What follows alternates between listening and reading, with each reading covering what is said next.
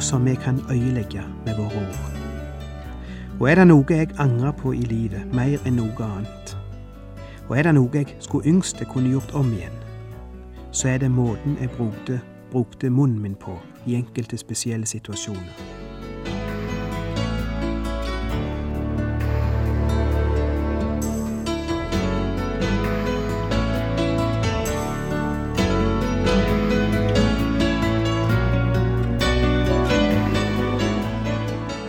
Hjertelig velkommen til et nytt program i serien Vindu mot livet.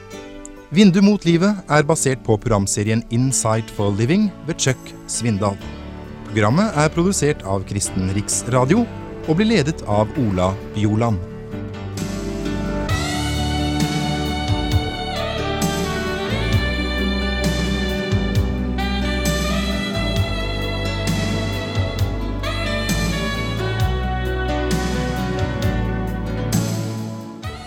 Vi begynner med å lese ifra Jesaja 6, vers 1-8.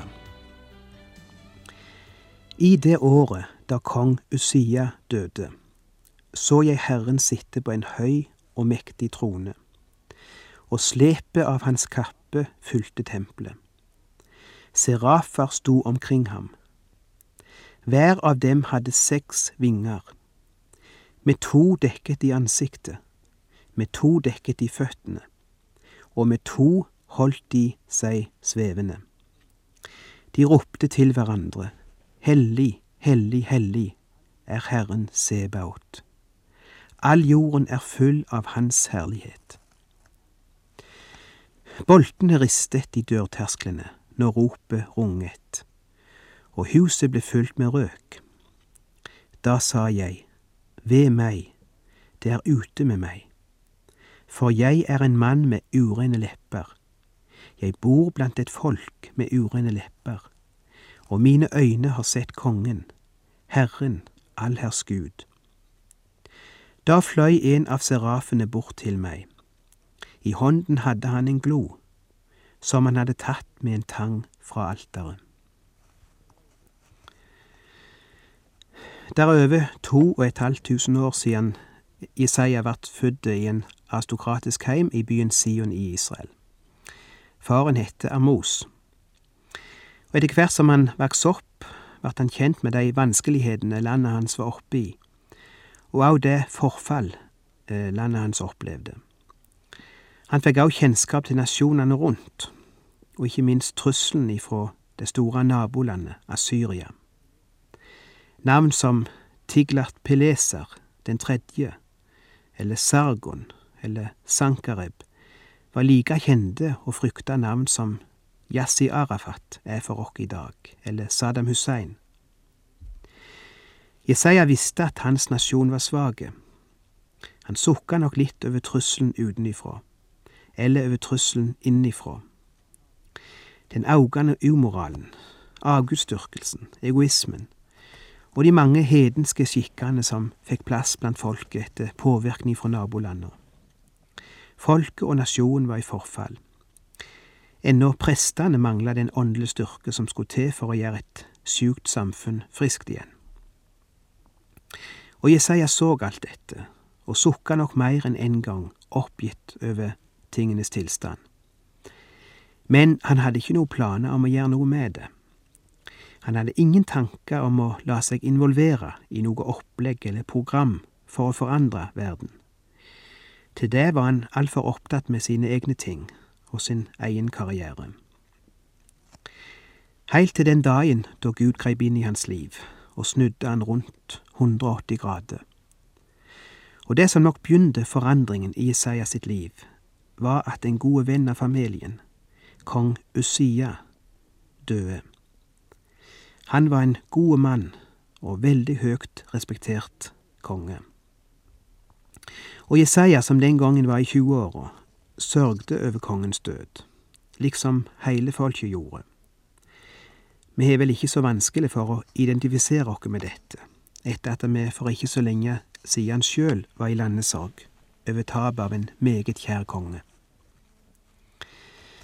Kanskje Jesaja nettopp har gått til Guds hus for å ta del i sorgen over tapet av kongen, når Gud nå møter han her i dagens tekst. Kanskje han ville være i stillhet og bønn denne dagen. Iallfall er det interessant å se at denne hendelsen nettopp er knytta til kongens død i innledningen av kapittel seks. I det året da kong Usia døde, så jeg Herren. Og dette synet snudde opp ned på Jesaja sitt liv. Han er ikke den første som har fått livet sitt forandra nettopp i en periode med sorg og tap, eller en periode med motgang og vanskeligheter. Det er rart hvordan Gud på en spesiell måte får vår oppmerksomhet nettopp i slike tider. Jeg møtte nylig ei unge kvinne som var skilt, og hun fortalte at den vonde skilsmissen og alt det den drog med seg, var det som skulle til for at Gud igjen skulle få hennes oppmerksomhet. Hun fikk sjå Gud gjennom det. Vel, det var iallfall hennes ord. Og det er akkurat det som skjedde med Jesaja her. I det året da kong Usia døde, så jeg Herren. Jeg har endatil møtt mennesker som har fortalt om hvordan tapet av et barn var det som stanset de opp i livet, slik at de fikk øye på Gud. De sa ikke at tapet var godt, eller at det nå var over, eller at de nå var over sorgen. Tvert om visste de ennå ikke om de ville heilt bli seg sjøl etter det vonde som skjedde. De sa heller ikke at det var Gud som sendte ulukka. Og de sa heller ikke at det vonde var blitt godt. Men de sa at det vonde i det minste hadde ført noe godt med seg. I det året fikk vi sjå Gud sa de. Og jeg opplevde det gang på gang da jeg var prest i Chicago. Mennesker jeg møtte i forbindelse med begravelse jeg hadde. Mennesker i sorg. Mennesket som aldri hadde hatt tid til å, til å gi Gud plass i sitt liv. Men for ikke så rent få av de, vart nettopp dette møtet med det vonde sjølve vendepunktet i livet deres. Det er rart å tenke på en del av disse som etter hvert vart aktive i kyrkja. Hvor mange av de som faktisk begynte å komme nettopp etter at jeg hadde møtt de ved grava til en av deres kjære. Slik begynte det òg slik begynte òg det nye livet for Jesaja. Gud fikk hans oppmerksomhet på en ny måte. Livet hans fikk en ny retning.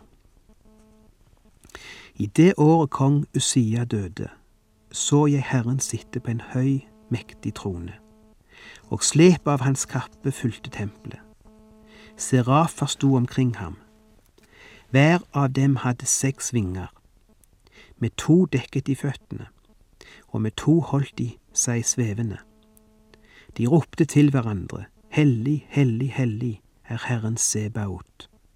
All jorden er full av Hans herlighet. Boltene ristet i dørtersklene når ropet runget, og huset ble fylt med røk. Ja, ja, jeg kan ikke si noe mer om disse ordene enn det som står. Mine ord blir tomme og fattige hvis jeg skal prøve å legge ut dette kolossale synet Jesaja fikk. Han fikk sjå Gud, og den eneste normale reaksjon, hvis en kan kalle det normalt da, å få et glimt av Gud, men den eneste naturlige reaksjonen på en slik opplevelse er den vi òg leser om her i vers fem.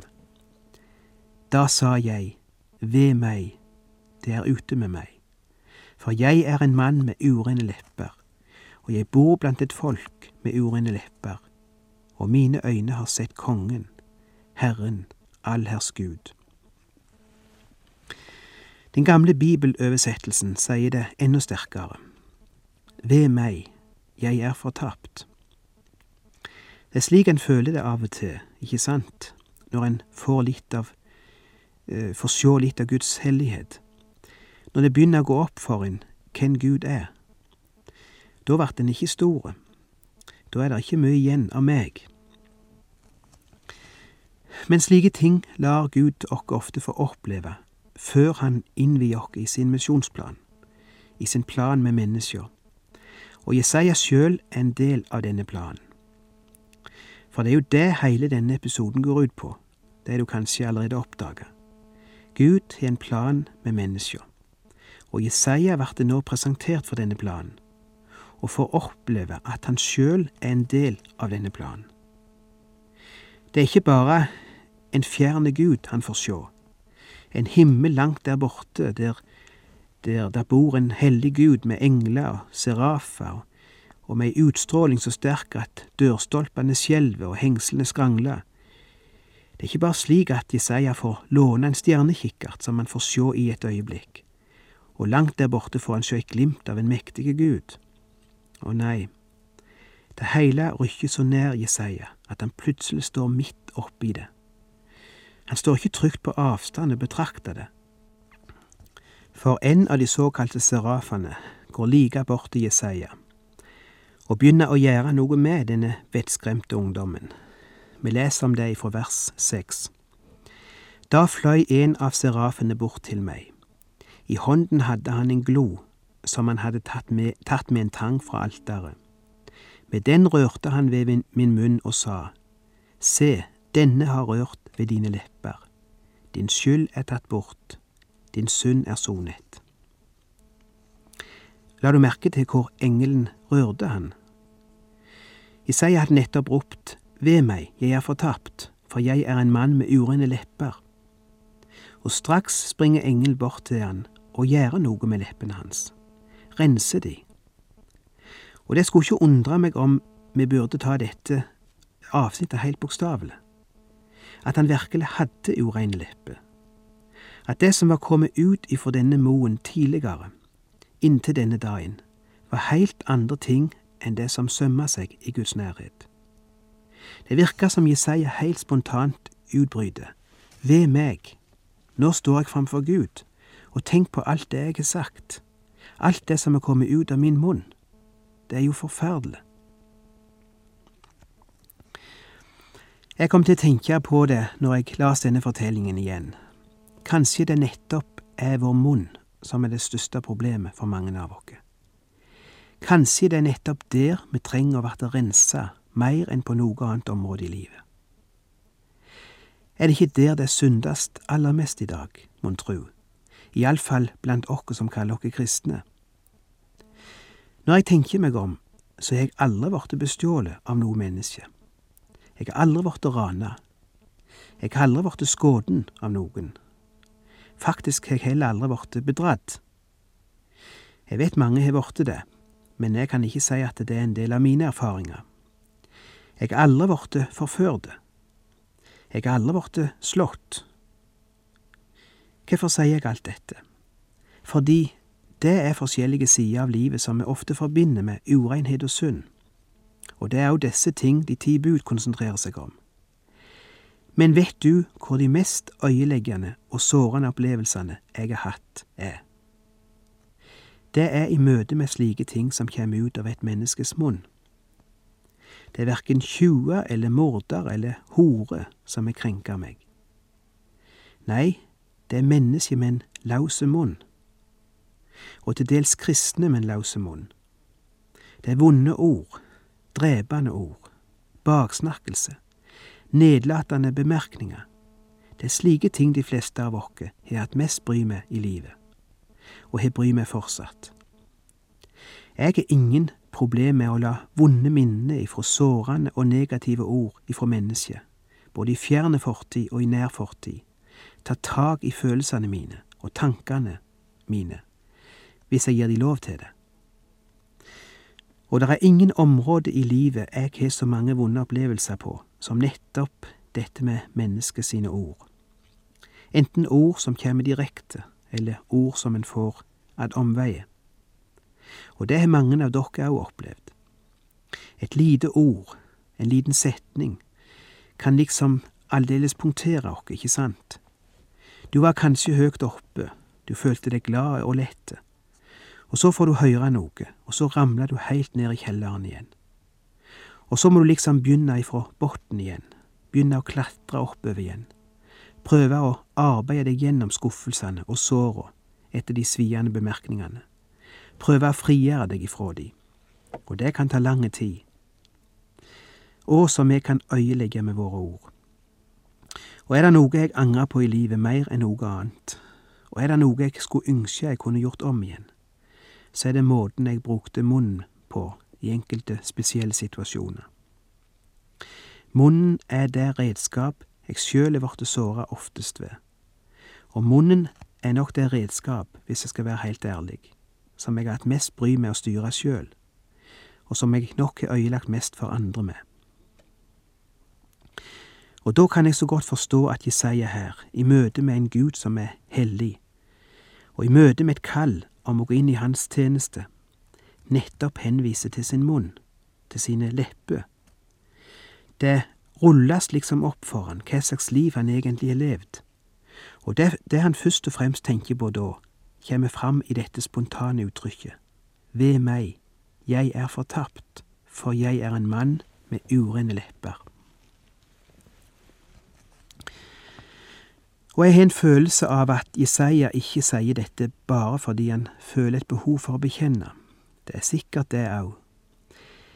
Og han ble virkelig rensa her.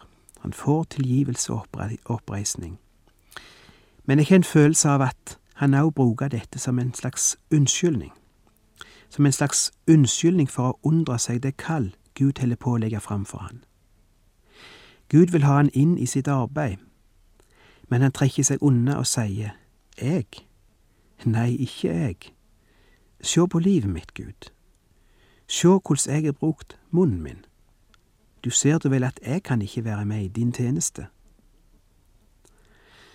Men den biffen ordner Gud straks. Han sender en av tjenerne bort for å rense nettopp den delen av livet som Jesaja har henvist til som unnskyldning for å trekke seg unna. Ser du det? Og han sier, Se, denne har rørt dine lepper. Din skyld er tatt bort, din synd er sonet. Kom ikke her, Jesaja, og skuld på fortida di. Den skal jeg ta meg av. Vi har vel alle slike unnskyldninger. Nå skal du få høre noen av de unnskyldningene jeg har hørt, og noen av de kan kanskje være dine unnskyldninger òg. Jeg er for svak. Jeg er ikke sterk nok. Eller jeg har problemer med temperamentet. Eller jeg har så vanskelig for å snakke for meg. Kanskje du husker at det var akkurat den unnskyldning Moses brukte da Gud kalte han til tjeneste. Eller jeg har ikke kunnskap nok. Eller fortida mi er så rodete, du skulle bare ha visst. Eller jeg er sittet i fengsel. Eller jeg har misbrukt alkohol. Eller jeg er skilt. Eller jeg har et problem med nervene. Og så videre og så videre. Jeg har hørt de alle, de mange unnskyldningene mennesker bruker for å trekke seg ut. Men hør her, Gud er større enn noen av disse unnskyldningene. Ser du ikke at det er nettopp det dette ordet viser oss?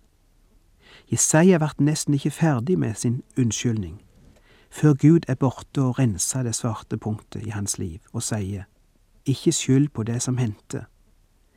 Det kan jeg gjøre noe med. De skyld er tatt bort, de synd er rensa. Og det vil han gjøre med hver eneste en av oss.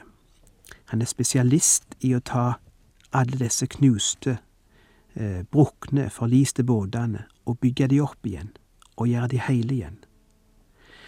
Og når den hindringen er tatt bort, så sier han, Hvem skal jeg sende, og hvem vil gå for oss? Og Jesaja har ingenting å gjemme seg bak, og han svarer, Se, her er jeg, send meg. Et fantastisk budskap som vi skal komme tilbake til neste gang. For da skal vi se mer på hva Gud vil sende han til. Men det er utrolig å oppleve litt av dette som Jesaja opplevde.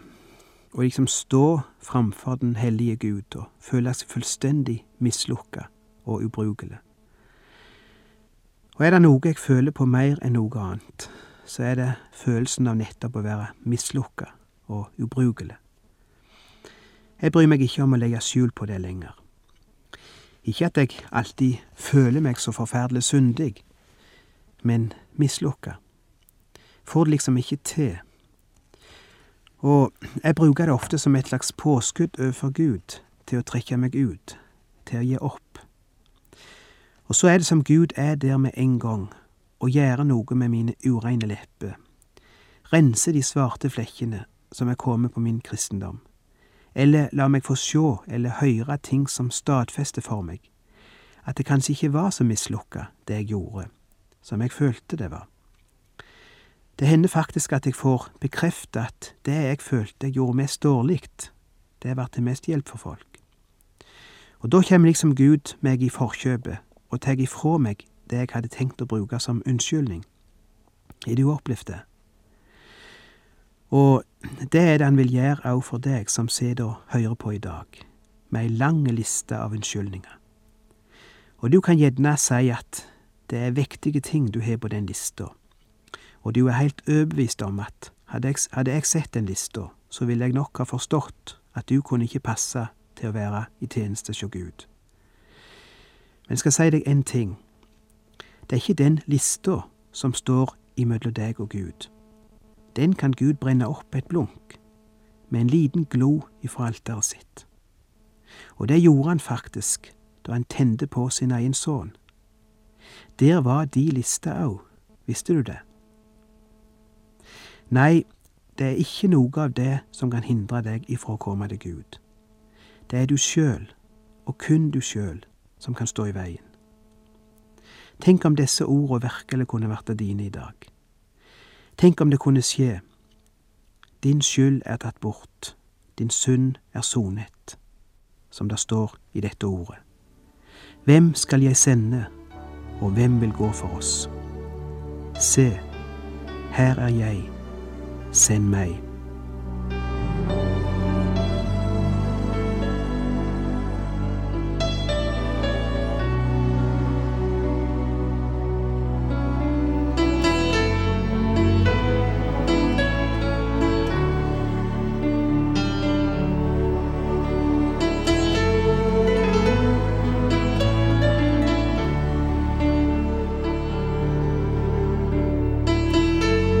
Du har lytta til Ola Bjoland i serien 'Vindu mot livet' fra Kristen Riksradios arkiv.